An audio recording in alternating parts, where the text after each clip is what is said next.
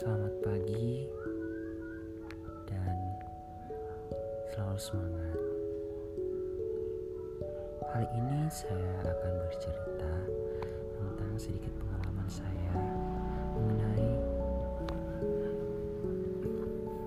tugas yang diberikan sangat banyak.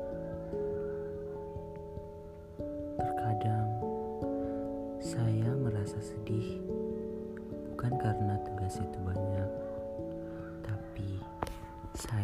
merasa sedih kepada diri saya sendiri. Sebenarnya,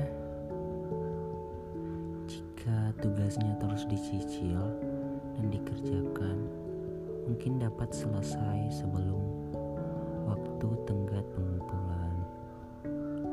Namun, entah kenapa, saya merasa lebih malas gimana cara nyelesainnya? Mana gangguan lain? Seperti menggunakan sosial media beralih ke sosial media lalu melupakan tugas tugas yang ada.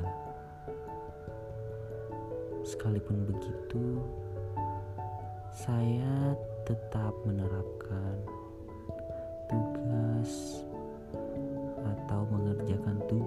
itu dengan sistem SKS sistem kebut semalam. Hehehehe. Oh iya.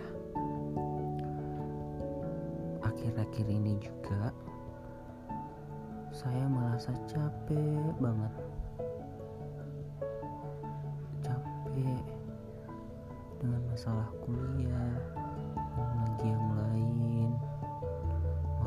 refreshing tapi tugasnya banyak.